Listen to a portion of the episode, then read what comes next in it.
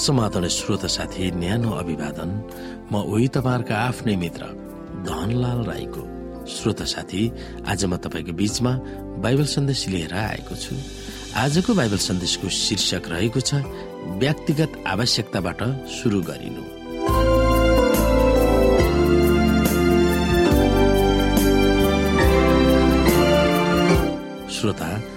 पौराणिक इसरायलमा धेरै जसो इसरायलीहरू किसानी र गोठालाहरू थिए। त्यसकारण परमेश्वरले दिनुभएका आशिषका कतिपय प्रतिज्ञाहरू किसानी र गोठालाहरूको भाषामा लेखिएका थिए। उदाहरणमा हितोपदेश तीन अध्यायको नौ र दसमा परमेश्वरले प्रतिज्ञा गर्नुभएको छ कि यदि आर्थिक रूपमा हामी उहाँसँग इमान्दारी र विश्वास साथ चल्यौँ भने उहाँले हाम्रा भकारीहरूलाई प्रशस्त भरिदिनुहुनेछ। कतिपय इसाईहरूको खेतबारी हुँदैन। त्यसकारण यदि हामी उहाँको मार्गमा अथवा उहाँको मार्ग अनुसार चल्यौँ र उहाँको आज्ञा पालन गर्यौँ भने हामीले गर्ने व्यापार वा आय आर्जन गर्ने काममा उहाँले आशिष दिनुहुनेछ। आजको यशु भक्तको जीवनमा हितोपदेश सत्ताइस अध्यायको तेइसदेखि सत्ताइसलाई कसरी व्याख्या गर्ने? तिम्रो भेडाहरूको राम्रोसँग हेरचाह गर भनेको के हो? तिम्रा भेडाहरूको अवस्था राम्ररी स्याहार गर। आफ्नो बगालप्रति सावधानीपूर्वक ध्यान देऊ। किनभने धन सम्पत्ति त सधैँभरि रहँदैन। र मुकुट पनि सबै पुस्ताका लागि सुरक्षित रहँदैन। जब पराल हटाइन्छ र नयाँ पालुवा फेर्छ जब पराल हटाइन्छ र नयाँ पालुवा देखा पर्छ र डाँडा पाखाहरूबाट घाँस बटुलिन्छ तब भेडाहरूले तिमीहरूलाई लुगा झुटाइदिन्छन् र खेत किन्ने रकम बाख्राहरूबाट आउँछ। बाख्रीको दुध तिमीलाई र तिम्रो परिवारलाई खान चाहे जति पुग्नेछ र तिम्रा सेवकहरूलाई पोषण हुनेछ।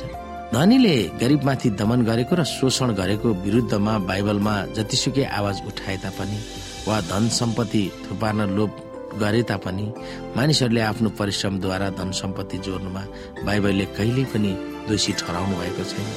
तर ती धन सम्पत्ति बैमान तरिकाले वा अरूहरूलाई दमन गरेर नकमाएको हुनुपर्दछ।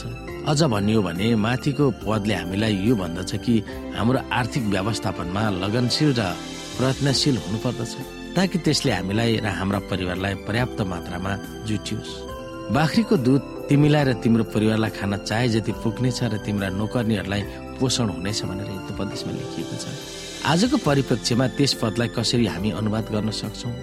यो हुन सक्छ तिम्रो आर्थिक लेखाजोखाको समीक्षा गर्नु र तिम्रो स्थिति कस्तो छ छो थाहा पाउन वा तिम्रो आर्थिक कारोबार सबै ठिक गर्नु कुनै पनि ऋणमा नपरे हिसाब किताब चुक्ता गरिराख्नु।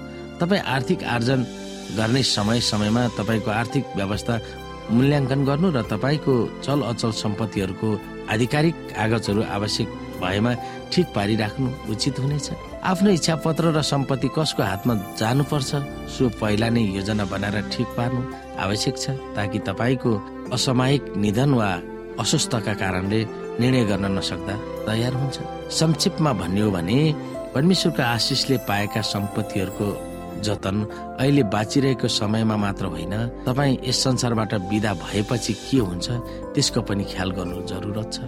त्यो भन्दा पहिले तपाईँको जीवनकालमै यसो आउनुभयो भने त्यसको टन्टा त लिनु नै पर्दैन तर परमेश्वरको आशिषले हामीसँग भएको सम्पत्ति धेरै होस् वा थोरै होस् त्यसको भविष्यको निम्ति र परमेश्वरको कामको निम्ति जतन गरिराख्न यसो भावनाको नीति भएको मान्नु पर्दछ अन्तिम श्रोता हामीसँग भएको धन सम्पत्ति सदाको निम्ति होइन। यो कथनलाई हाम्रो दिमागमा राखिराख्नु महत्वपूर्ण हुन सक्छ।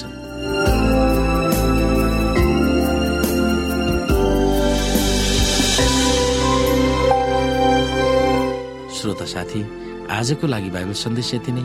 हस्त नमस्ते जय मसिंह।